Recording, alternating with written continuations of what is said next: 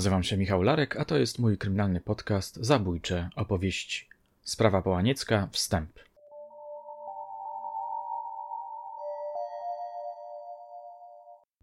Przerażająca, niesamowita, wstrząsająca, niewiarygodna. Takie epitety przychodzą mi do głowy, kiedy zaczynam rozmyślać o tak zwanej sprawie połanieckiej. Sprawie kryminalnej, która coraz bardziej mnie intryguje, która coraz bardziej mnie zadziwia. Moje drogie, moi drodzy, 6 grudnia 2021 roku na moim instagramowym profilu odbył się live z profesor Magdaleną Kamińską, poznańską kulturoznawczynią, badaczką internetu, która ostatnio zajmuje się także trukrajmowymi opowieściami. Rozmawialiśmy właśnie o zbrodni, która miała miejsce na trasie pomiędzy Połańcem a Zrębinem w 1976 roku. Dzisiaj zaprezentuję Wam lekko zedytowaną wersję tamtej audycji. Muszę przyznać, że rozmowa z panią profesor sprawiła, że nabrałem ochoty na dalsze zgłębianie tej pokręconej historii. Potraktujcie zatem niniejszy podcast jako wstęp do czegoś większego. Posłuchajcie.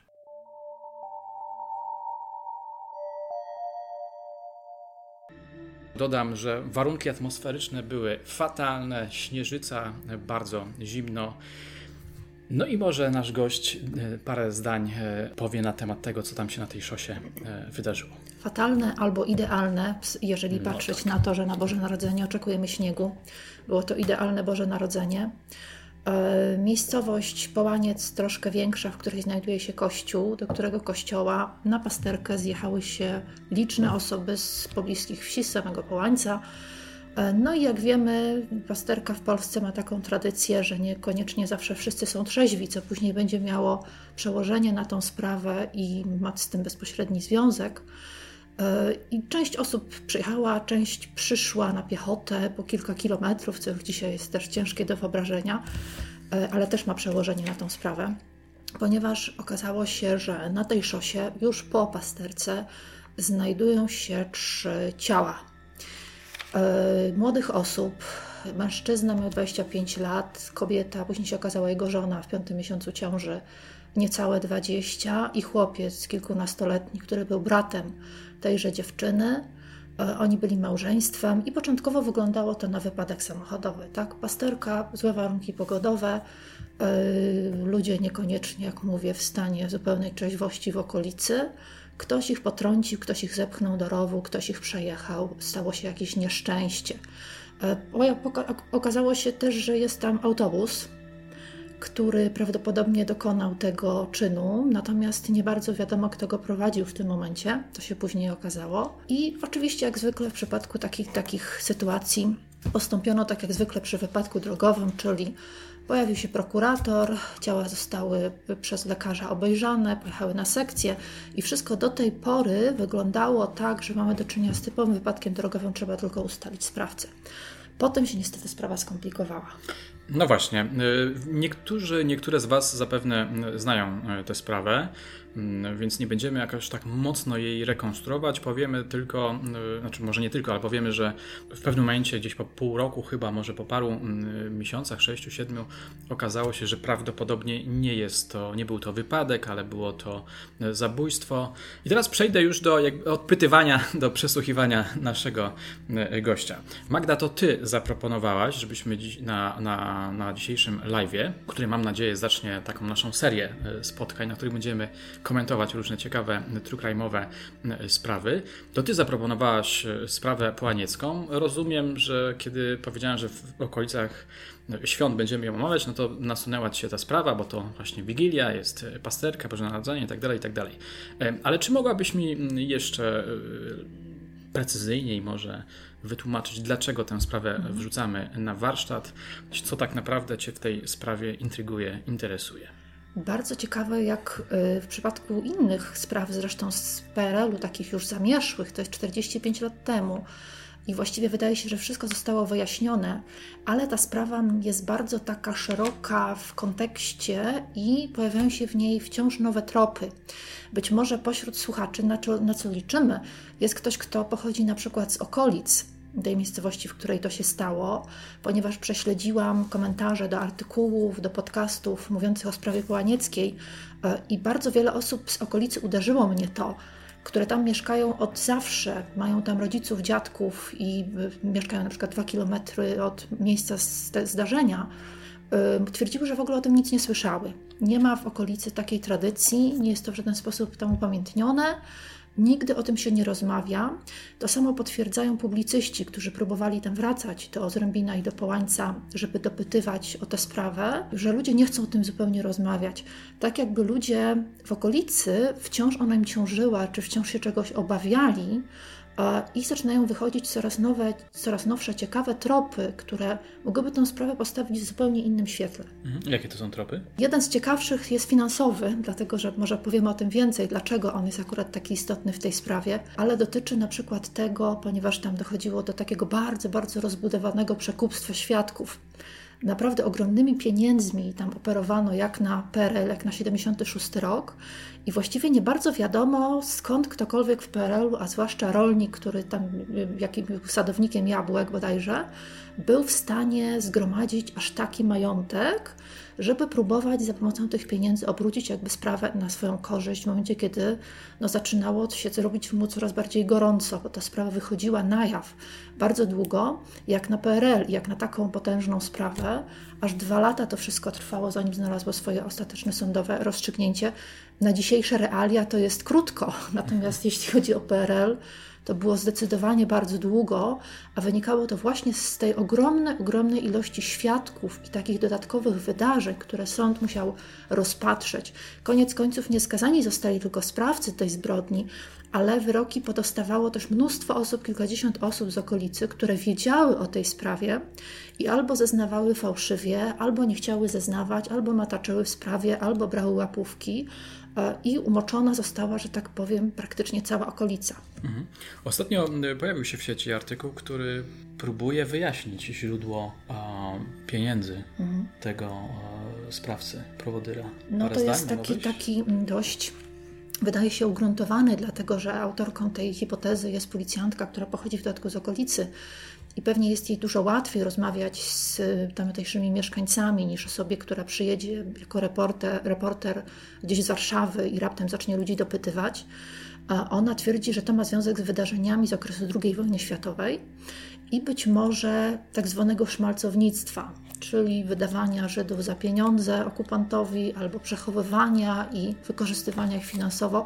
Natomiast no, trudno mi to zweryfikować, ale to jest bardzo ciekawy trop, chociażby z tego względu, że trudno jest mi wyobrazić sobie aż tak gigantyczne pieniądze, które tyle lat po wojnie, 30 przeszło lat po wojnie, mógłby jakiś rolnik przechowywać na tą okoliczność, że popełni zbrodnię i trzeba będzie przekupić kilkudziesięcioro świadków. Mhm. Tam chyba w, tam są różne chyba teorie, e, różne sumy podawane. 200 tysięcy, 400 tysięcy? Sąd ustalił chyba 200 tysięcy. To była mhm. ogromna suma jak na PRL. Natomiast są takie hipotezy, na przykład w książce Wiesława Łuki, którą pewnie zaraz pokażesz, takiej mhm. najbardziej rozbudowanym opracowaniu o sprawie Połanieckiej.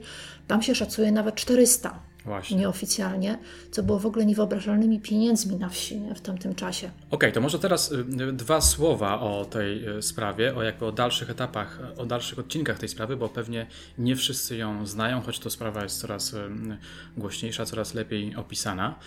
Czyli tak, do pewnego momentu mm, funkcjonuje wersja, że był to wypadek samochodowy, ale z czasem okazuje się, że wiele rzeczy nie zgadza się, że wiele rzeczy wskazuje na to, że to nie był wypadek, tylko morderstwo. Jeden, już nie pamiętam, czy to był prawnik, adwokat, prokurator mówi, że nie widział jeszcze takiego autobusu, który przejeżdża kobietę i rozbiera ją, żeby później ktoś mógł ją zgwałcić. Tak jest. Jeszcze na dodatek nie wspomniałam o tym, był upozorowany gwałt na tej ciężarnej dziewczynie. Została ona rozebrana, gdzieś wywleczona w pole, nago, porzucona w, w, w śniegu. E, no, było, było to upozorowanie wypadku, ale upozorowanie bardzo brutalne, dlatego że oprócz tego, że dobijano jakimś ciężkim przedmiotem, łyżką prawdopodobnie do opon, to jeszcze te zwłoki zostały przejechane. Tak? Prawdopodobnie wyglądało to w ten sposób, że najpierw potrącono chłopca, tego kilkunastoletniego brata dziewczyny, e, i kiedy on się przewrócił tam połamany i zaczął krzyczeć, zatrzymano się, wyszły z tego autobusu osoby, które dogoniły i zatłukły po prostu brutalnie całą trójkę, a później, żeby upozorować wypadek, jeszcze przejechały, tak? Tam się jeszcze przewinął samochód osobowy, który w tym, w tym w konwoju, że tak powiem, się pojawił żeby właśnie upozorować, że, że no, mamy do czynienia ze zwykłym potrąceniem. Ale to po lepszym przyjrzeniu się to było to od razu widać, że ciała były nie obok siebie, tylko właśnie przeciągnięte na pole. E, chociaż początkowo ta lokalna milicja faktycznie założyła najprostszą wersję nie? i mało brakowało, aby się upiekło sprawcy. Tak ale później zaczęły wychodzić kolejne okoliczności. Tak, potem się okazało, że, śledztwo, że w śledztwie popełniono mnóstwo błędów, poczynając od e, badania, e, badania zwłok, od oględzin zwłok. Okazało się, że medyk sądowy nie miał w ogóle uprawnień do tego, że nie wykonał wszystkich czynności i w związku z tym, że zrobił to w sposób e, partacki, no, nie wykrył, że było to po prostu zabójstwo. I tak dalej, i tak dalej. Być może jeszcze o tych błędach będziemy mówić, ale skoro książka Wiesława Luki się pojawiła, to ja w ramach przypomnienia chciałbym Wam um, przeczytać kilka fragmentów, żebyście uprzytomnili sobie, jeśli ktoś e, nie jest obeznany ze szczegółami, jak bardzo to było brutalne. Do czasu akcji jeszcze wrócimy, bo to jest niezwykle interesujące, czyli mamy właśnie Wigilię, mamy pasterkę, mamy Boże Narodzenie, mamy ludzi ze wsi, którzy wszyscy w taki czy inny sposób, bliższy czy dalszy, są jakoś e, zanurzeni w, w uroczystości, jaką jest pasterka. I teraz tak, tutaj padają nazwiska lekko zmienione. Wojda nakazał wywołać z kościoła małżonków Łukaszko, Łukaszków i Mieczysława, czyli to, to jest młode małżeństwo, mocno z nim e, związane. On na przykład był na jego, e, na jego ślubie, był na ich ślubie. Nie wpuścił do autobusu marki San, w którym on, pozostali oskarżeni i liczni świadkowie e, pili wódkę. Pewnie trzeba powiedzieć, że to małżeństwo wyszło z kościoła, dlatego że jedna z pań mm, wyciągnęła ich, mówiąc, że ich ojciec ojciec jednego z nich mm, robi jakąś awanturę w domu, więc oni w ten sposób zaalarmowani postanowili wrócić do domu. Podchodzą do tego autobusu marki San, w którym liczni świadkowie piją wódkę. Ci ich nie wpuszczają, więc oni muszą iść do Zrębina, jak pisze dalej Luka, muszą iść do Zrębina na piechotę, a w pewnym momencie za nimi, po 10 minutach, ruszają trzy pojazdy. Fiat kierowany przez Lochę, San kierowany przez Karasia i Autosan kierowany przez Marcina W. Co się dalej dzieje? I tutaj zaczyna się zabójstwo. Fiat potrąca Mieczysława, czyli tego młodziutkiego, dwunastoletniego zdaje się chłopczyka. Z Sanu, z Sana wyskakują Karaś i Wojda. Wojda to jest właśnie ten główny prowodyr, który był nazywany królem Zrębina.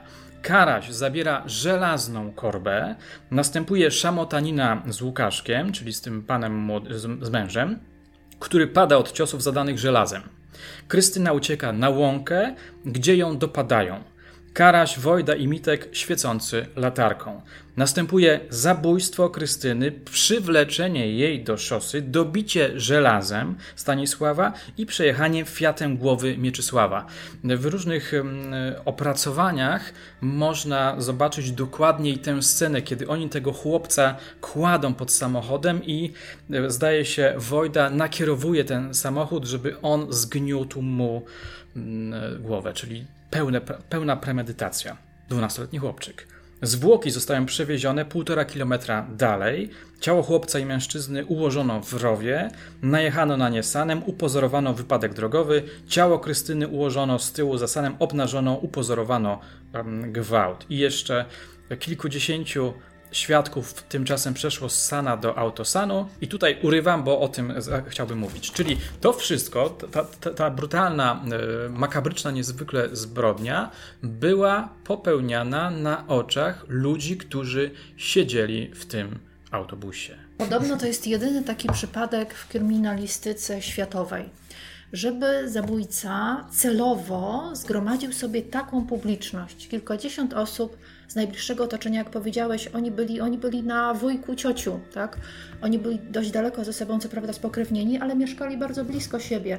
Jak to na wsi, znali się oczywiście wszyscy. żeby celowo zgromadzić tylu świadków, kiedy na zdrowy, że tak powiem, rozum wydawać by się mogło, że to, no to się wyda w takim małym środowisku, nie ma innej możliwości, ale mało brakowało, żeby się nie wydało. I to jest coś, co zafascynowało reportażystów perelowskich jeszcze, jak na przykład Hannę Kral e, i e, całkiem sporo osób, które pisały innych o tym procesie. Jak to jest możliwe, że przez bardzo wiele miesięcy nikt na tej wsi nie puścił po prostu pary z ust? Kiedy nie tylko większość to widziała, a cała reszta słyszała. Tak? To jest niemożliwe, żeby się coś podobnego ukryło. Mhm. E, oczywiście przyczynił się do tego działania prowodyra, o którym tutaj mówimy, króla z Rębina, jak go podobno nazywano, e, najbogatszego podobno gospodarza we wsi, który jako jedyny miał ciągnik, telefon, co to znaczyło w 70 latach na polskiej wsi, to już na starsi górale nie pamiętają pewnie, ale znaczyło bardzo dużo. E, I też takiego człowieka, który miał opinię bardzo uczynnego tak, dla wszystkich. Zawsze pomógł, zawsze doradził, był jakiś czas ławnikiem w sądzie, no właśnie, co było takim argumentem. Ja się znam na prawie, tak? E, którego on używał wielokrotnie. E, I rzeczywiście osoby, która po pierwsze zaprzysięgła tych świadków. No właśnie, to może odpowiedzmy na pytanie, mhm.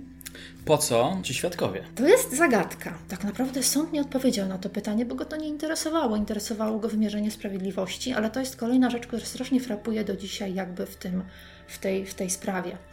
Być może możemy postawić taką hipotezę, że to zabójstwo nie tyle miało na celu zabójstwo, co miało na celu ugruntowanie czy umocnienie pozycji króla Zrębina, człowieka, który się w tej okolicy czuł całkowicie bezkarnie.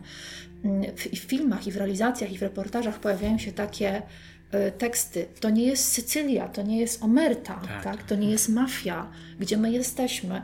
E, ale dokładnie to była tego rodzaju sytuacja związania ich wszystkich z tym człowiekiem e, i udowodnienia, że on może wszystko. I ja bym to interpretowała w taki sposób, ale pewnie już się nikt nie przekona, tak? Kara śmierci została wykonana i tak naprawdę już nikt nikogo nic nie zapyta. Właśnie, czyli być może to była taka manifestacja bezkarności.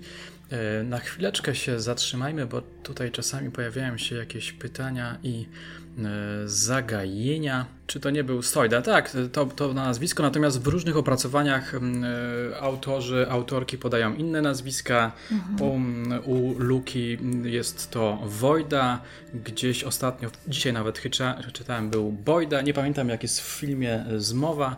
Te nazwiska się trochę zmieniają, ale to nie jest e, istotne. Polecamy skądinąd ten film już z lat 80. Nazywa się Zmowa. Wiesław Łuka, który napisał książkę, współpracował przy scenariuszu. Tam jest wydobyty właśnie ten moment, jak to się stało, że to się ostatecznie wydało.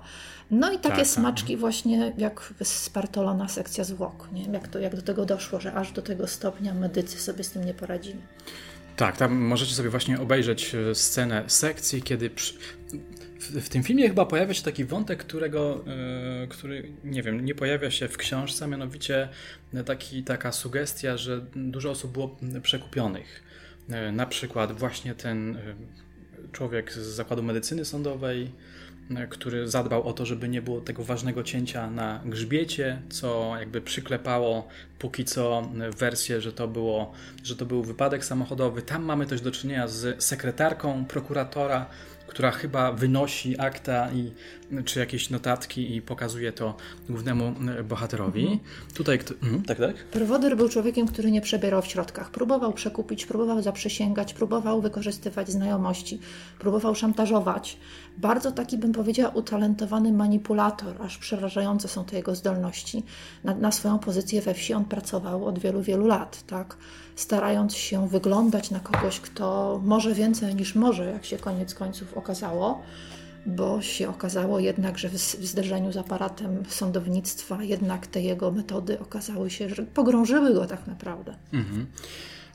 Dzisiaj wyczytałem w jednym z tekstów, do którego link mi podesłałaś, że już jego ojciec był e, Sojdy aktorem i kiedy Sojda został oskarżony o gwałt na dziewczynie, jego ojciec ubrał go w, w szatki jakiegoś młodego chłopca i pokazywał, mówiąc w sądzie, w sądzie tak, mówiąc, czy, czy taki chłopiec mógłby zgwałcić e, kogokolwiek. No więc to był 49 rok, zaraz po wojnie, to był nastolatek i rzeczywiście miało miejsce takie zdarzenie z jakąś dziewczyną, z którą pasł krowy na łące. No i został ogolony, ubrany w szatki od pierwszej komunii, jak powiedziałeś, i przedstawiał sobą po prostu niewiniątko. Co prawda wtedy się do końca nie udało, mhm. ale wyrok po bodajże 10 latach został zatarty i mógł zostać ławnikiem sądowym. No. Mhm. Jakby chciał im coś zademonstrować, ale z drugiej strony skąd pewność, że nikt nic nie powie, musiał chyba czuć się bardzo władczy. No właśnie. Tutaj mhm. ktoś pisze, czy w tym wypadku uważa pan, że wyroki kary śmierci zapadły niesłusznie? Ja nie uważam, że zapadły niesłusznie, ja jestem po prostu przeciwko karze śmierci. Oglądałem po odsłuchaniu tego podcastu, uwaga, ludzie nadal w Zrębinie nie chcą o tym mówić. Rzeczywiście, do tego jeszcze y, do, do, do, dojdziemy. Zatrzymajmy się, czy wróćmy do autobusu. Mhm. Ludzie, niektórzy pijani, niektórzy nie, przyglądają się tej brutalnej e, zbrodni, niektórzy chcą e, wyjść jest im to zabronione. Co się dalej dzieje? Chciałbym, żebyśmy teraz poruszyli ten wątek religijny, o którym też mi mówiłaś, że Cię bardzo interesuje. Zresztą mnie on też niezwykle interesuje. On też bardzo interesował dziennikarzy w PRL-u, którzy, no, ich stosunek do Kościoła był niechętny. I tutaj po, pokazywała się ta religijność ludowa w tej sprawie z takiej strony, którą łatwo było ośmieszyć, tak? ponieważ Prowodyr odebrał od ludzi przysięgę, która była podpisywana własną krwią, że go nie wydadzą. Na kartce nakłuwał im agrafką palce i kazał się tam podpisywać. E, podarował im też medaliki, jeździł specjalnie do Częstochowy, tak, z czymś w rodzaju pielgrzymki. Właściwie trudno powiedzieć, czy on się tam spowiadał, czy jakby, jaki był jego tok rozumowania, żeby go Matka Boska Częstochowska ochroniła przed odpowiedzialnością za potrójne zabójstwo, co w ogóle jest nie do wiary, tak? To jest, to jest herezja do, do sześcianu w ogóle, skąd mogą coś takiego przyjść do głowy, ale może traktował to czysto manipulacyjnie, tak? No i te przysięgi, które później powtarzał, tak, właśnie w takim, w takim sycylijskim stylu mafijnym, przy świecach, przy krzyżu, gdzie zgromadził tych ludzi i żądał, żeby oni przysięgali jeszcze raz, że niczego nie powiedzą, że niczego nie widzieli. Oni sami pewnie nie byli pewni do końca, co widzieli wszyscy, ponieważ była noc, śnieg padał, oni byli pijani, patrzyli z autobusu na coś, co się tam kłębi na szosie i właściwie kto kogo, co za co i co, co konkretnie zaszło, mogli nie być pewni, ale myślę, że ich to dręczyło, czy też drążyło, no i w pewnym momencie się wylało. Tak, tam był mały chłopiec, który widział jednego ze sprawców, nie mógł sobie poradzić z tym, co zobaczył i w końcu wyznał swoim rodzicom. Pojawił się też świadek, który też zaczął mówić, mhm. więc tak powolutku zaczęło się to ten chłopiec, kolega tego miecia dwunastoletniego, jest tutaj przedstawiany na przykład w filmie Zmowa jako jedyny sprawiedliwy w tej Sodomie. Tak. Który po prostu jako niewinne dziecko nie wytrzymał tego nerwowo i w pewnym momencie zaczął rzucać, podchodzić wieczorami pod dom prowodyra, rzucać mu kamieniami w okna i krzyczeć mordercy. I oczywiście, wiadomo jak to na wsi, już od końca do końca natychmiast wszyscy wiedzieli, że jakby sprawa się wysypuje, i to dziecko, jego skomplikowane relacje z rodzicami są właśnie w tym filmie pokazane. Chłopiec zresztą skończył tragicznie, później jako dorosły człowiek, jego ojciec też.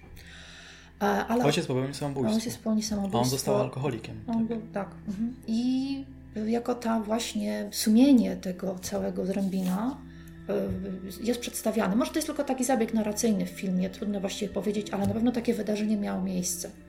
I od tego momentu, kiedy ludzie zaczęli sobie po, po zmierzchu we wsi krzyczeć o morderstwie, no to sprawa już nie była do ukrycia. Zaczynały puszczać kolejne osoby, e, milicja zaczyna przyciskać kolejnych świadków, no i ci ludzie się dosyć szybko tak naprawdę rozsypali. Zatrzymajmy się jeszcze przy tym wątku religijnym, bo jeśli mówimy o tych elementach religijnych, czyli o medalikach, o jakichś przysięgach, o Częstochowie, no to jeszcze warto wspomnieć o srebrnikach judaszowych, których właśnie ta rodzina, jako jedyna i też biedna, chyba najbiedniejsza, mm, jedyna sprawiedliwa, która dostawała, która jakby e, widziała, jak te pieniądze gdzieś tam wlatują, nie wiem, pod drzwiami, mhm. czy w jakiś inny sposób. Że donosicie, tak? Że zdradziliście niewinnego człowieka, powiedzmy, jesteście Judaszami, zdrajcami, konfidentami i cokolwiek można jeszcze tu takiego wy, wymyśleć i rzucane im były pieniądze jako te Judaszowe srebrniki przez okno, czyli ta symbolika właśnie taka religijności z religijności ludowej przez całą tą sprawę się przewijała. No właśnie, ta, ta, ta sprawa jest wręcz napita religijnością.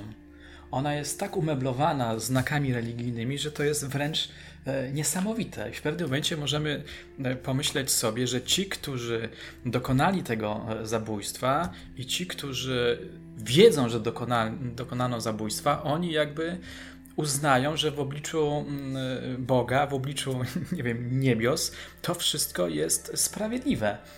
Pamiętasz, są takie momenty, kiedy e, e, kobiety, których mężowie byli uwikłani w tę zbrodnię, mówią matce e, zamordowanych, tak zwanych dzieci kalitowych, że przecież te dzieci już umarły, nie żyją i że powinna przestać dochodzić swojego, żeby inni mogli żyć. żyć. Tak.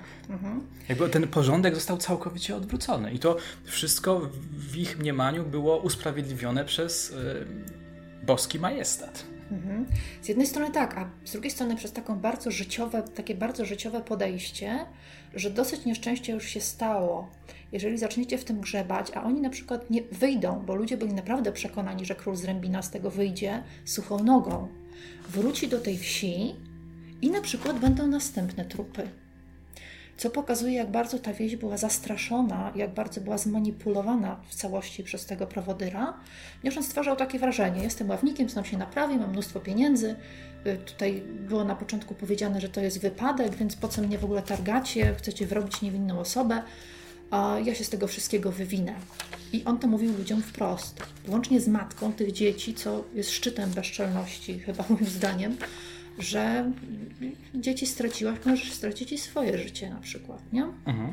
Co nam te sceny mówią o, religijności Polaków e, wtedy? Czy można powiedzieć, że te sceny, te sceny tak bardzo religijne i zarazem mordercze mówią w ogóle coś o naszej religijności? Może aż tak nie, nie uogólniała, ale pewnie pokazują, że możemy ją potraktować bardzo instrumentalnie. To znaczy nie jako cel, tylko jako narzędzie gdzie religijność tych ludzi, dla których przysięga złożona pod krzyżem, jeszcze podpisana własną krwią, była no, nienaruszalna, aczkolwiek okazało się, że ich wystarczyło troszeczkę przycisnąć metodami śledczymi, żeby się jednak okazała naruszalna. To raczej była pewna naiwność może ze strony prowodyra, że wierzył w tą moc i był przekonany, że jego ziomkowie są tak bardzo e, związani z nim, że nie ma innej możliwości, żeby go wydali. A propos mentalności, w tekście Łuki jest bardzo taki ciekawy e, fragment. Oto bieguny mentalności tych, tych ludzi uwikłanych w tę sprawę. Z programów telewizyjnych zrębiniacy wiedzą o podboju kosmosu. W autobusie podczas przysięgi dają sobie przekłuwać palec agrawką. To jest niesamowite. No, to jest, ale to jest też mocno takie protekcjonalne, nie? że w samym środku PRL-u, w samym środku socjalizmu, ci chłopi, którzy razem z robotnikami mieli budować dobrobyt tego państwa, są w jakimś głębokim średniowieczu. I można to obwinić Kościół, na przykład jak Hanna Kral, natomiast uważam, że no akurat proboszcz z Rębina ani ojcowie z Częstochowy, gdyby wiedzieli w czym biorą udział, to by nie wzięli w tym jednak udziału już chociażby z uwagi na polityczną sytuację w tamtym czasie, ale też w ogóle to jest coś, co rzeczywiście nie mieści się w głowie. Jeszcze jeden e, bardzo ciekawy cytat, który zwrócił e, moją uwagę. To jest akurat fragment, który mm, który e, wyciągamy z czterogodzinnego przemówienia prokuratora Franciszka Bełczowskiego. On coś takiego powiedział. W Zrębinie można go kupić i oskarżony Wojda plan zbrodni precyzyjnie oparł na mentalności, na mentalności środowiska, które znał. Do kilkudziesięciu świadków dotarł dwoma sposobami: magią i konkretem. Przysięgą w autobusie na krzyż Różańca, przysięgą w domu wiejskiego aktywisty również na krucyfiks, wręczaniem medalików przywiezionych z Częstochowy, gestami i słowami Matka Boska Częstochowska was ochroni, zastraszył świadków zbrodni, mur milczenia wzmocnił konkretem, wydał około 400 tysięcy złotych na łapówki i groził, kto puści parę z ust, e, popamięta. Mhm. Wszystkimi możliwymi środkami magią, religią, pieniądzem, zastraszaniem, grożeniem śmiercią ludziom, demolowaniem, takim graniem psychologicznym, na przykład zdemolowaniem grobu tych dzieci, które w pewnym mhm. momencie nieznani sprawcy na cmentarzu wykonali, wybijaniem okien. E, I mnóstwem, wiele osób opowiada zamieszanych właśnie sprawę, że on w obstawie swoich zięciów i szwagra bodajże e, poruszał się po tej wsi i rozmawiał z ludźmi, nie grożąc mi koniecznie wprost ale stwarzając taką sytuację i taki terror psychiczny, że ci ludzie byli przekonani, że on ich jest w stanie zabić i tak samo mu się nic nie stanie. Po, po, powiedzmy teraz, porozmawiajmy przez chwilę o motywach e, tej e, zbrodni. Co takiego spowodowało, że doszło do tak niekonwencjonalnej, e, niesamowitej i rzadko kiedy pojawiającej się zbrodni. I to była już zupełna obraza jakby dla perelowskiego wymiaru sądu, dlatego że bezpośrednim triggerem, który to spowodował, było wydarzenie ze ślubu tych młodych, którzy zostali zamordowani, który był w sierpniu. I na którym osoba z bardzo bliskiej rodziny prowodyra była kucharką. I ktoś tam podpatrzył, że ta kucharka próbuje jakieś wędliny wynosić z tego wesela, w ogóle historia nieprawdopodobna po czym jeszcze domagała się jakichś dzbanków wypożyczonych zresztą, tak. żeby jej dała ta organizatorka je, a powiedziała, że się stłukły. Zastawa to chyba była. Zastawa jakaś stołowa, bo jej się spodobała. Czyli taka, taka właściwie babska pyskówka z wesela, o którą poszło coś tak strasznego. I to było bardzo mocno wypunktowane w reportażach z tamtego okresu, że o taką bzdurę ludzie się potrafią mordować na polskiej wsi. Natomiast no, bzdura bzdurą, ale to była publiczna obraza dla tej całej rodziny i e, coś, co wymagało riposty. Natomiast ta riposta jest nadal niewspółmierna do czegoś takiego, jak zadanie tam kłamu komuś, że jest złodziejem i że najbogatsza rodzina we wsi, a muszą kraść wędliny po cudzych weselach. Jakie to jest po prostu postawienie ich w jakiej sytuacji. I pewnie ta zniewaga krwi wymagała, ale raczej takiej metaforycznej. Nikt nie sądził, że aż trzy trupy padną wskutek czegoś takiego. Natomiast wydaje nawet się, cztery, że, jeśli cztery. przypomnieć, że e, pani była w ciąży. była w ciąży. E, ale ta sprawa, był ten, ten spór między dwiema rodzinami, i to jest kolejny sycylijski motyw, on, bardziej on też się pojawia w książce, e, pojawia się w filmie, mhm. kiedy wojewoda chyba narzeka, że zaczynają mówić o ich miejscowości jako, jako o Sycylii. Tak jest. To się tak ludziom kojarzyło. mowa milczenia. Mhm. Z filmami o mafii, które w 70 latach były popularne. Ale między tymi rodzinami był spór co najmniej od tuż po wojnie. Gdzieś przewinął się, przewinął się taki motyw we współczesnych próbach jakby rewizji tej sprawy, że rodzina prowodyra w ogóle była nietutejsza. On się już urodził bodajże w Zrębinie sam, ale jego rodzina przyjechała gdzieś tam z Podmielca, z jakiejś dalszej miejscowości, co też mogło mieć jakieś tutaj, jakieś tutaj znaczenie dla tego, kogo ludzie uważają na wsi za swojego, a kto kogo jeszcze nie. I może tłumaczyć jego ambicje, tak? próbę zdominowania tej wsi jako osoby nie do końca na przykład akceptowane, ale tego nie wiemy. Natomiast mówiłeś o wydarzeniu związanym z gwałtem, Mówiłeś mhm. później o wydarzeniu związanym z, z, zastrzeleniem chłopca z tamtej przeciwnej rodziny, niby przypadkowym. Nigdy nie udowodniono, że to było jakoś tam celowe, raczej, że był to wypadek. E, I e, tam, jeżeli zaczynając od sprawy gwałtu z 1949 roku, to y, właśnie Kalita, reprezentant tej rodziny, znaczy konkretnie to dziadek tych młodych, którzy zginęli, Roy się nazywał, e, jako wtedy Ormowiec bodajże, tak? E, doprowadził mhm. właśnie młodego prowodyra, czyli Sojdę, do sprawiedliwości za ten gwałt.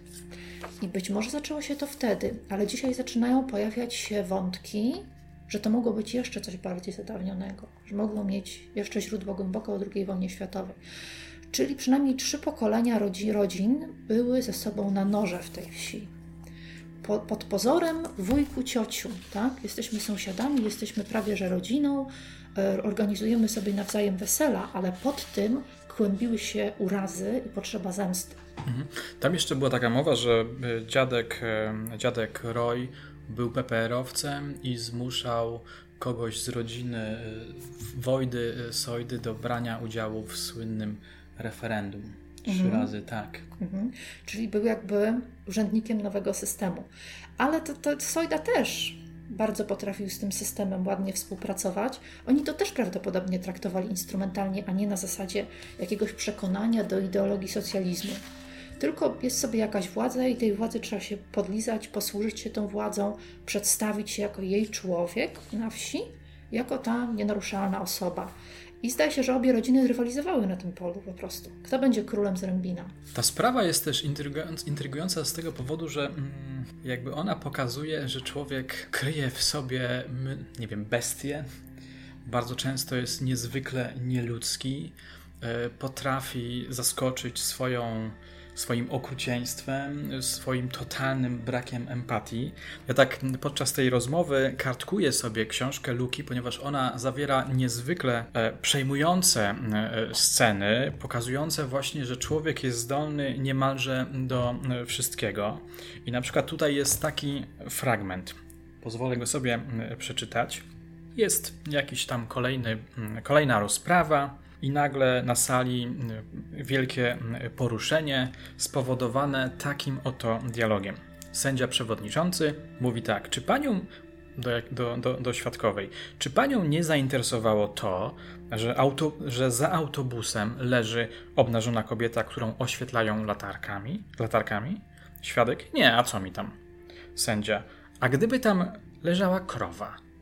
Na to świadek. A, krowa, to co innego.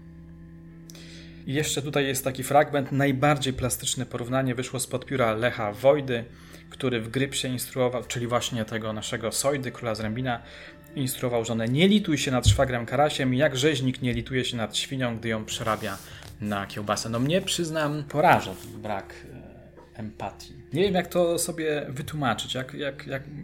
To jest ta banalność zła słynna, tak? Ale ludzie byli naprawdę przekonani, że im też coś zagraża że lepiej nie pchać palca między drzwi, lepiej nie podkładać najważniejszemu człowiekowi w całej okolicy. Nic tam w sumie nie widziałem precyzyjnie, nikogo za rękę nie złapałem, niczego nie jestem pewny, to co ja się będę mieszał? Czy ludzie się dzisiaj zachowują inaczej? Natomiast owszem, te nagrania można zobaczyć, przynajmniej fragmenty tych zeznań w internecie, bo te jakby takie zdroworozsądkowe sposoby jakby wybronienia się tych ludzi, tych świadków, cytowałeś to, mhm. E, powodowały straszny śmiech na sali, tak? w zderzeniu z inteligentami, z sądem, reportażystami. Cała Polska była wstrząśnięta tą historią, wszyscy chcieli wiedzieć, co tam się tak naprawdę wydarzyło. I te takie naiwne próby bronienia siebie, no, kobieta tak naprawdę palnęła, nie? A gdyby krowa leżała, to by się zainteresowała, no bo to zupełnie nie groziłoby mi nic za to, tak? Za to ona była przekonana, że jeżeli by się przyjrzała dobrze kobiecie, to by jej coś groziło. Oni działali w samobronie, i trochę się nie dziwię, że się nie czuli winni. Aha. Właśnie, bo mam wrażenie i chciałbym, żebyś, jeśli mam dobre wrażenie, żebyś e, rozwinęła ten wątek, bo e, mam wrażenie, że jakby uważasz, że te narracje reporterów perelowskich były nie do końca obiektywne, albo były takimi narracjami, które miały coś udowodnić, miały ośmieszyć tych ludzi, tak? Mhm. Takie mam wrażenie. I czytając i słuchając pytań, jakie sąd tym ludziom zadawał, właśnie z takim zupełnym niezrozumieniem tej ich mentalności, czy tego ich emocjonalnego jakby uwikłania w pułapkę, to jest niesamowite, bo oni się zachowują tak, jakby nie mogli z tego zrobina wyjechać. Tam się urodzili, tam muszą umrzeć z tymi ludźmi. I tam spędzą życie ich dzieci, ich wnuki trzeba to życie, żeby jakoś wyglądało, nie możemy być tam całkowicie wyobcowani, co jest też takim, takim obrazem specyficznym mentalności, czego sąd w ogóle nie rozumie i z czego się właściwie nabija, tak, razem z tymi adwokatami, z tego, jak bardzo ci ludzie są tak naprawdę zaszczuci. Pewnie, że z takiej etycznej perspektywy to jest no, nie do obrony, tak? Mhm. Udawanie, że nie widziałem czegoś, co widziałem doskonale, ale z emocjonalnego myślę, że jest do zrozumienia. A gdybyś... Autentycznie ich kosmos zawierał się w zrębinie. Pod tym człowiekiem, który był na samym wierzchu hierarchii.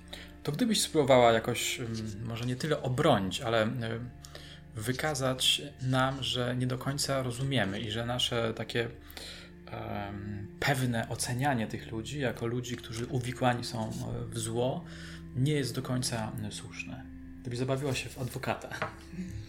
No dla adwokata to jest sprawa jasna. Tak? Kto zabił, kto fałszywie zeznawał i to przeprowadzono bardzo sprawnie. Wyroki śmierci dwa, bo były zasądzone pierwotnie bodajże cztery, ale złagodzono y, wymiar dla tych y, zięciów y, i powieszono ostatecznie tylko prowodyra i osobę, która przyjeżdżała, tak, tego kierowcę. Natomiast cała reszta podostawała jakieś tam mniejsze, większe wyroki. E, I rzeczywiście oni się czuli faktycznie chyba niewinnie posądzeni, i z tego może wynikać to, że w Zrąbinie dzisiaj nikt nie chce o tej sprawie mówić, bo tam wszyscy byli jakoś potrąceni przez ten autosam nie, w tej wsi. Mhm. Nawet osoby, które w ogóle nie miały z tym nic wspólnego i były wtedy w domu. ale coś słyszały, coś tam im się obiło o uszy, nie wiedziały, co o tym myśleć. Nikogo ta sprawa w tej miejscowości nie ominęła. Nie? I no mówię, myślę, że z, takiego, z takiej perspektywy, bo to już przecież jest trzecie pokolenie, już wymierają osoby, które biorą w tym udział bezpośrednio, to jest też do zrozumienia, że oni chcą o tym zapomnieć. Bo jeżeli nasz sąsiad mógł zrobić sąsiadowi coś podobnego i to rodzina, no to właściwie nie możemy się czuć bezpieczni we własnej chacie, nie? Mhm.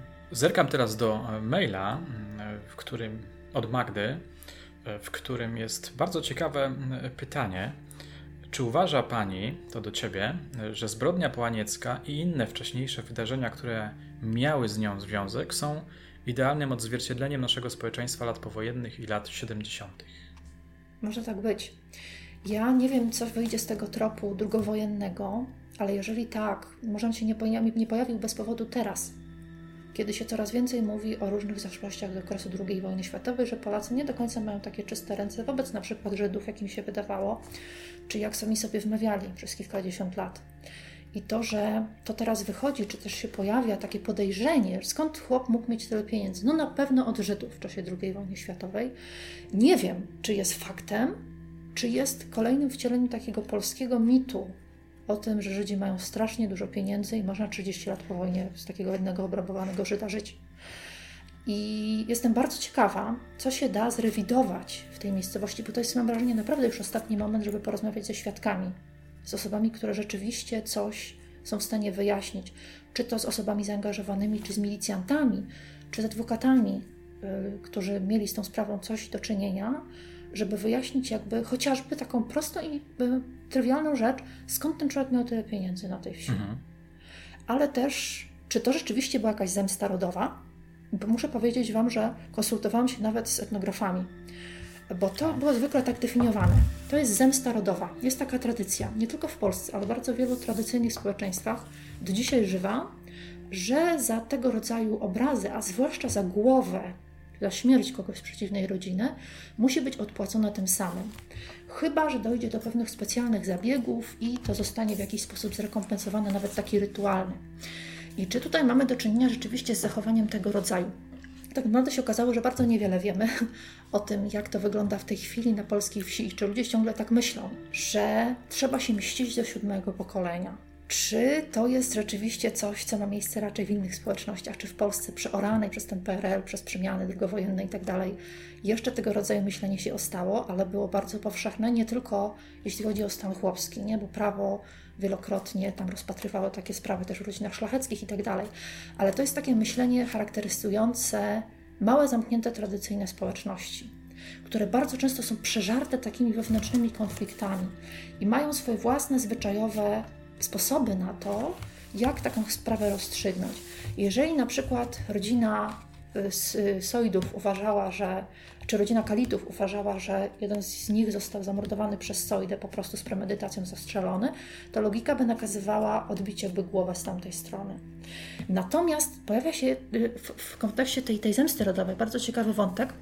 To się przejawia i u Łuki, i u, y, u ludzi, którzy później rewidowali, jakby wracali na to miejsce, że rok po tym zabójstwie y, Zrębin dotknęła straszna susza tam nic nie rosło przez rok co najmniej i ludzie uważali, że to jest właśnie kara boska, czy w jakiś sposób yy, zemsta za to, że Sojda z tą zemstą rodową przesadził, bo to jest troszeczkę niewspółmierne, zwłaszcza do tej wędliny, tak, wyniesionej z wesela. Czy to nie wynika czasem z tego, że on jest, że ta rodzina pochodziła skądinąd, nie wiedziała dokładnie, jak takie sprawy należy rozwiązywać? Z czego to wynikło?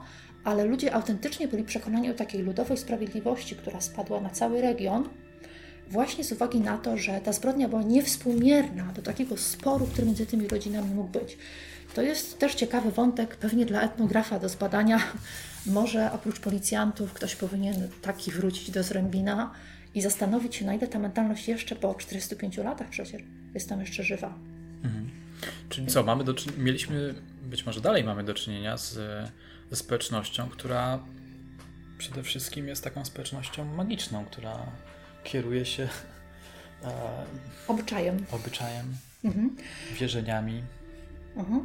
A Sojda próbował zagrać nie fair. Najpierw próbował zdominować myślisz, że był on nad tą, myślisz, że on był nad tą mentalnością? Czy on tak. czysto. Ja myślę, że tak. Operacyjnie.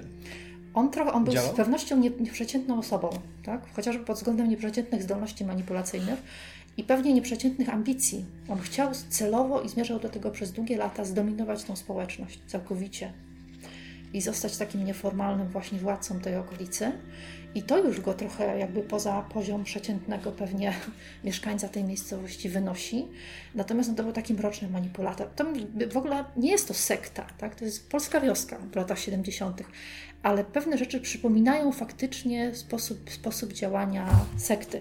Jak się czyta o grupie Mansona czy o kimkolwiek takim, którym zdarzyło się coś podobnego, to ta manipulacja i metody wydają się bardzo podobne.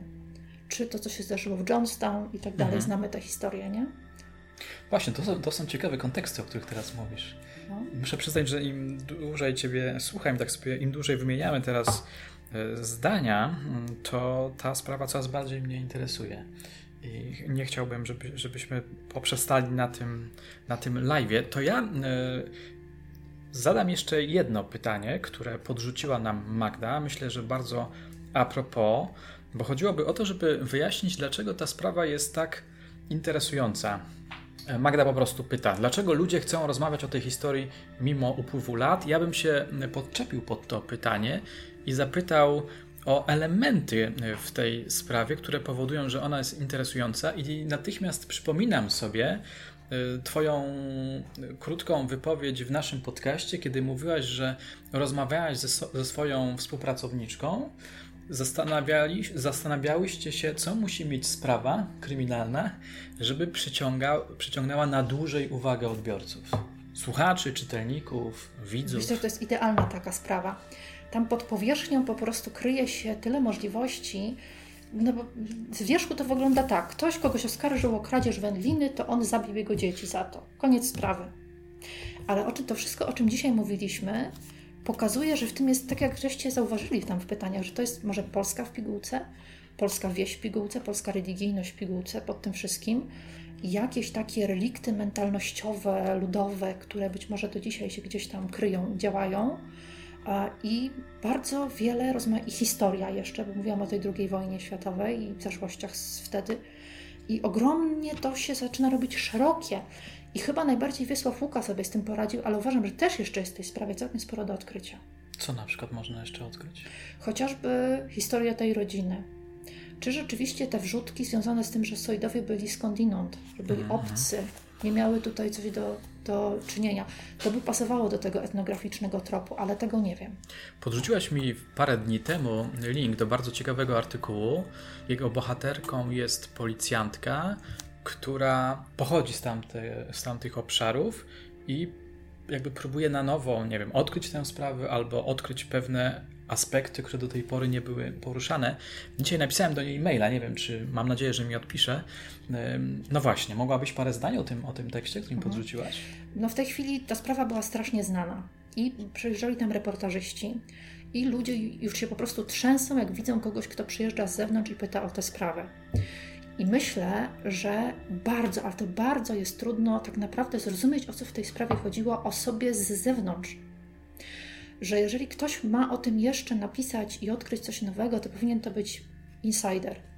I myślę, że ta pani policjantka ma zadatki na taką osobę, której ludzie po prostu powiedzą więcej, która też nie tylko będzie mówić ze świadkami, ale też z milicjantami, z innymi osobami, które były w to zaangażowane, czyli zobaczy tą sprawę jeszcze z różnych perspektyw, nie tylko z jednej i takie sprawy, o takich sprawach bardzo ciężko się mówi. O wszelkich takich trudnych zaszłościach z przeszłości na polskiej prowincji obcy ma bardzo małą szansę się dowiedzieć czegokolwiek. I jeżeli jesteśmy jakoś tam zakorzenieni, jeżeli jesteśmy bliscy temu regionowi, czy na przykład stamtąd pochodzimy, ludzie nam powiedzą więcej. I myślę, że do reportażyści z Warszawy doszli do ściany w pewnym momencie i mhm. wytłumaczyli sobie najprościej, jak się dało. Tak?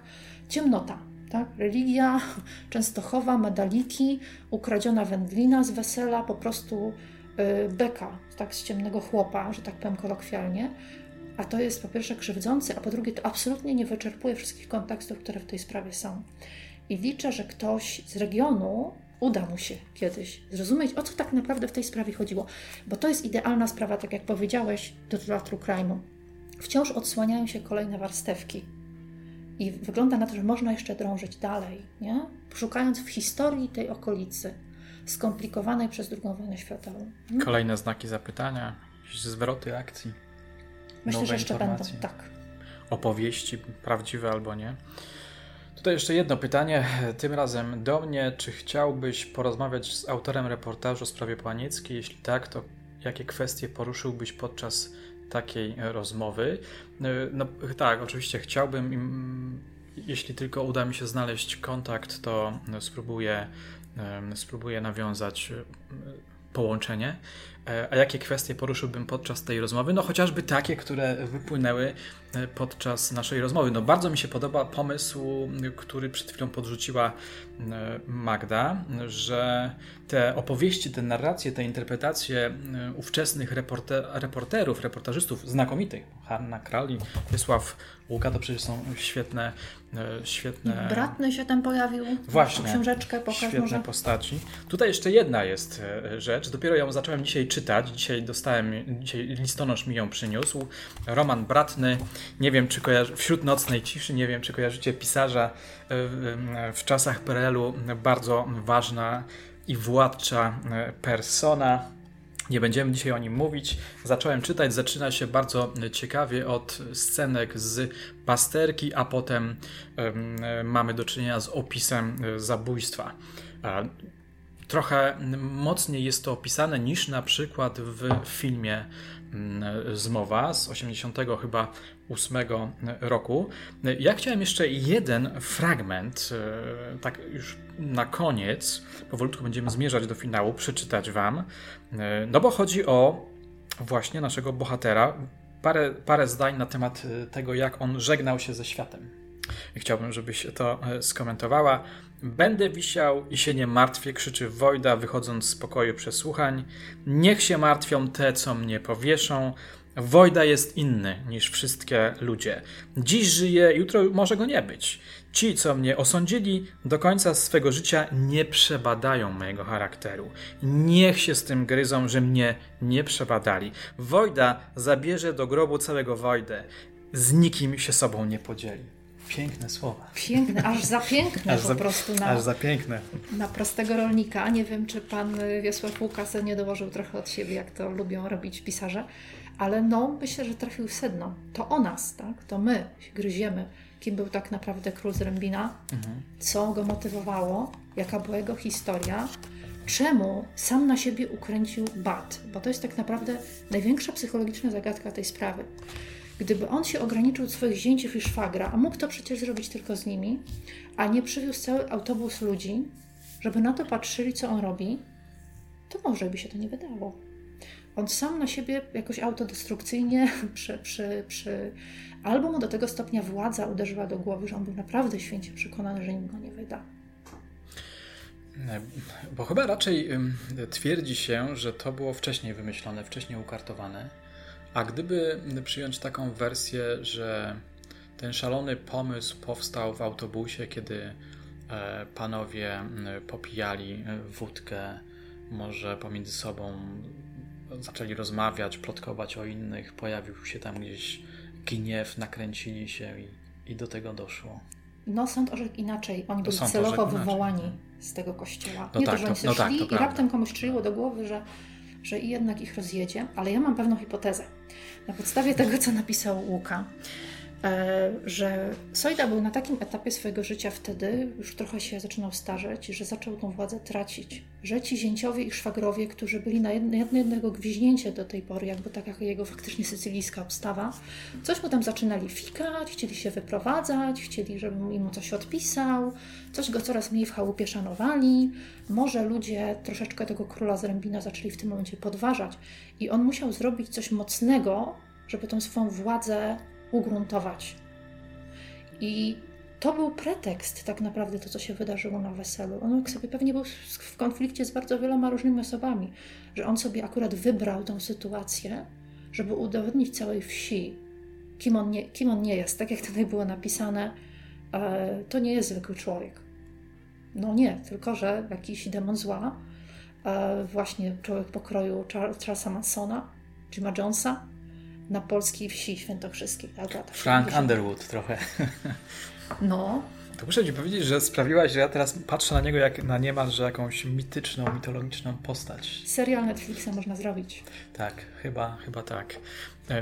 Wr wróćmy jeszcze na chwilę do Waszych komentarzy, odczytamy je. E, pani Kalita chyba jeszcze żyła, bo zabrała głos w tym materiale dla uwagi. Właśnie, ja jeszcze nie oglądałem tego materiału dla, e, w uwadze. Ty widziałaś ten, ten Tak, ona moment? chyba niedawno zmarła, dosłownie. Ona zmarła już, tak? Rok czy, czy półtora roku temu. E, no, faktycznie już nikt z tych bezpośrednio zaangażowanych, ale no, część ludzi pewnie jeszcze żyje, która, która była świadkami chociażby w tym procesie. Ciekawe, czy tej policjantce uda się e, coś jeszcze e, wykopać. Ale czy to niepodobne do sprawy Iwony Cygan w zakresie zmowy milczenia? Mhm. Zgadzam się, tak. Zgadzasz się? E, jeszcze była wcześniej sprawa Lipów, gdzie na podobnej zasadzie, kilka lat wcześniej, w 70 latach, dość podobna, gdzie jedna rodzina wymordowała drugą, do której miała uraz. Natomiast nie było to tak spektakularne, nie było to w tym sztafarzu religijnym, w, tej, w tym anturażu pasterki, Bóg się rodzi, tak? Cicha noc. No właśnie, tego nie podkreśliliśmy, że tutaj rodzi się Bóg, rodzi się nowe życie, zaczyna się jakiś nowy cykl. A oni tutaj jakby I tutaj kończą. zamordowano ciężarną dziewczynę w polu, która mogła dać za chwilę to nowe życie, zupełnie bez jej winy osobistej, bo Sojda nie miał nic do, ani do tej Krystyny, ani do jej męża, ani do jej brata. On miał do rodziny. On mówił o krwi, o plemieniu kalitowym, które wygubi, jakby był Bogiem. Może król z Rębina to jeszcze za mało. Może to był Bóg z Rębina, który przynajmniej chciał być. Ja osobiście, o ile jestem w stanie zrozumieć zmowę milczenia, po fakcie tak bardzo ciężko jest mi zrozumieć brak odruchu pomocy w trakcie, gdy ta zbrodnia była dokonywana. No właśnie, czy my ją tłumaczymy y, strachem, o którym mówiłaś? Strachem przed, nie wiem, zemstą? No dosłownie było to, zdaje się, w tym autobusie powiedziane. Jak ktoś spróbuje wyjść, to też dostanie tam tak. tym żelazem. Nawet chwilę przed śmiercią był przekonany o swojej wyższości. E, ktoś tu pisze, tutaj ktoś nawiązuje do kary śmierci, ale tym się już nie będziemy e, zajmować. Ok, czy chcemy coś jeszcze na koniec e, tej sprawy powiedzieć? W sprawach perelowskich jest, mówiliśmy to zresztą w trakcie naszego pierwszego nagrania, jest strasznie dużo wciąż jeszcze do odkrycia. Dlatego, że one z powodów propagandowych były, były omawiane przez reportażystów, głównie były filmy, nierzadko, ale były przedstawiane w taki sposób tendencyjny, jednostronny, który pasował do przekazu propagandowego. I jak się zaczyna dłubać w tych sprawach, to wychodzą niesamowicie ciekawe rzeczy. No, na przykład takie jak chociażby rewizja, bo ktoś się odniósł do kary śmierci. Czy słusznie wymierzono karę śmierci Marchwickiemu? Czy sensownie było wymierzać karę śmierci Karlowi Kotowi, który w momencie popełnienia czynu był niepełnoletni? Czy nie istniały okoliczności łagodzące? Czy może z tym chłopakiem było coś jednak nie tak? Co by dzisiaj było potraktowane być może inaczej, ale nie tylko chodzi o tą rewizję nie, tych procesów, ale raczej opowiedzenie tych spraw na nowo, które tutaj były skwitowane ciemnotą chłopską, ale okazuje się, że tym jest cała Polska, nie? I wciąż można te sprawy rewidować, odkrywać nowe wątki, których wtedy po prostu nie można było powiedzieć. Mnie teraz zaczęło ciekawić, dlaczego reportażyści interesowali się tymi sprawami. Dlaczego ich tak ciągnęło? Co oni chcieli uzyskać.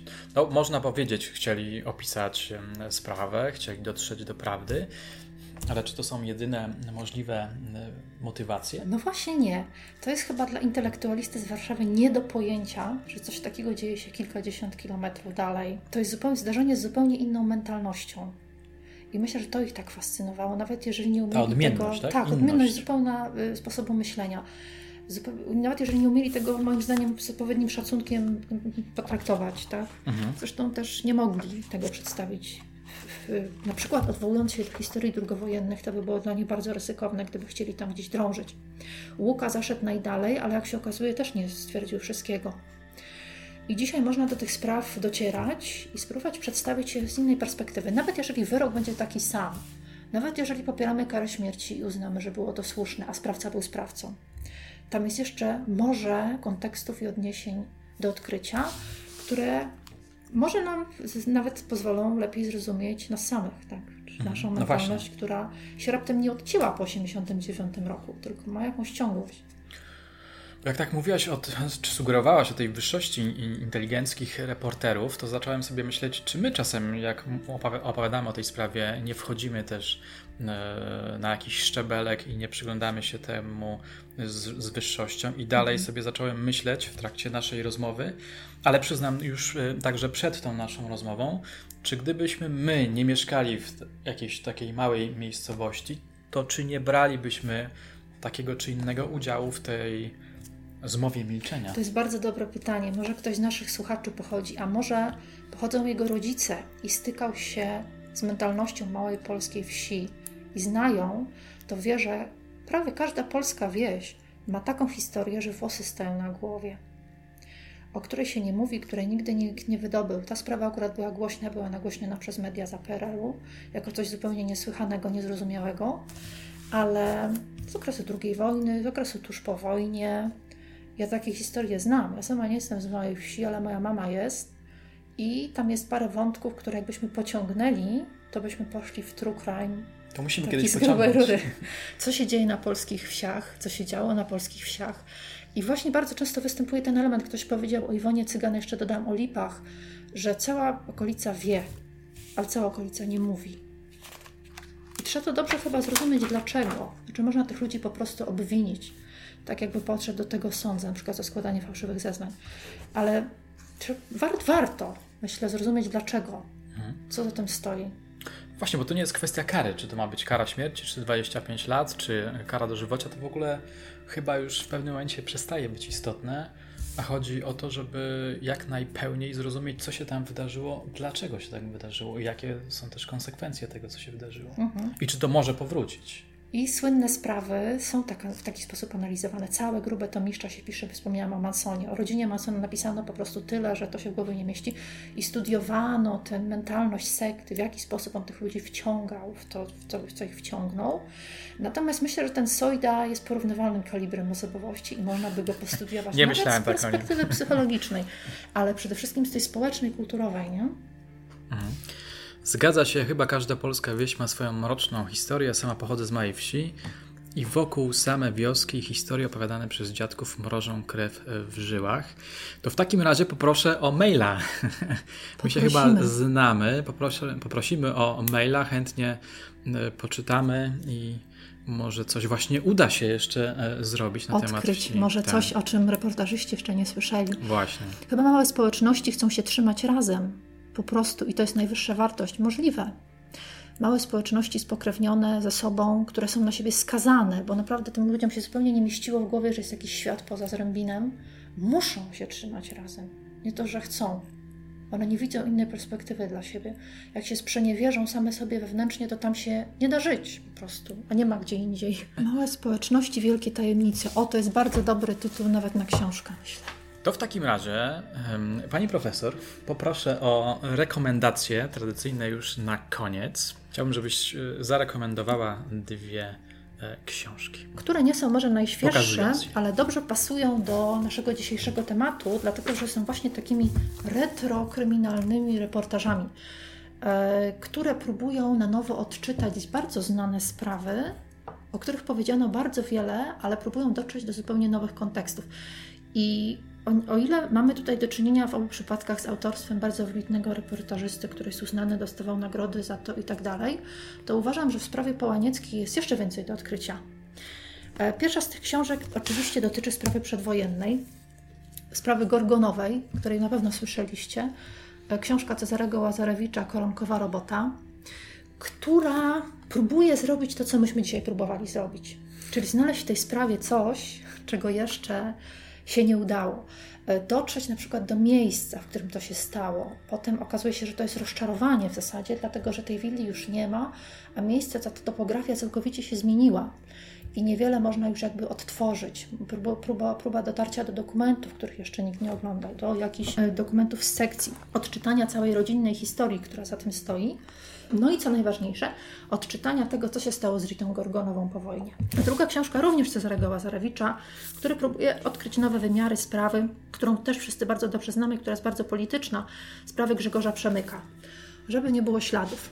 która też próbuje dochodzić do tego, co myśmy dzisiaj spróbowali zrobić, czyli zobaczyć sprawę Przemyka trochę z innej perspektywy. Czy on zginął dlatego, że był synem kobiety zamieszanej, że tak powiem, w pozycję? Czy on zginął zupełnie przypadkowo? No właśnie. Bo był chłopakiem, Mhm. który napyskował policjantom, tak jak dzisiaj się zdarza, tak? Na posterunkach różne historie się dzieją, nie tylko na posterunkach. E, I co więcej, próbuje narys- naszkicować sytuację bardzo nie, nietypową, jakby tej rodziny, z której on pochodził, który stawia też całą sytuację w zupełnie innym świetle. I te książki obie są przykładem, chociaż może nie odkrywa wielkiej sensacji w przypadku żadnej z nich, ale sprawdźcie, próbują zobaczyć coś więcej niż tylko true crime. Kto zabił kogo i dlaczego. A im bardziej zaczynamy się wgryzać w, tym, w te konteksty, tym bardziej dowiadujemy się, że to się mogło zdarzyć nam.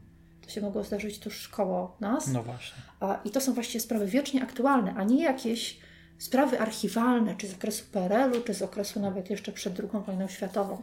To są sprawy, które żyją w naszej wyobraźni, w naszej pamięci i co więcej, w jakimś tam, w jakimś tam stopniu będą się powtarzały, bo mentalność ludzi się aż chyba tak bardzo nie zmienia.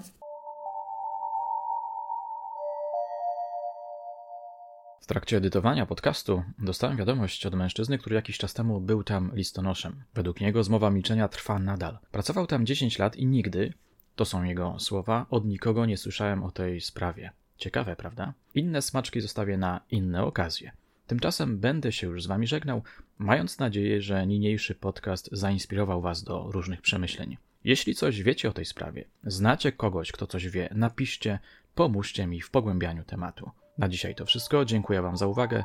Do usłyszenia. Także na instagramowych live'ach, na które Was serdecznie zapraszam.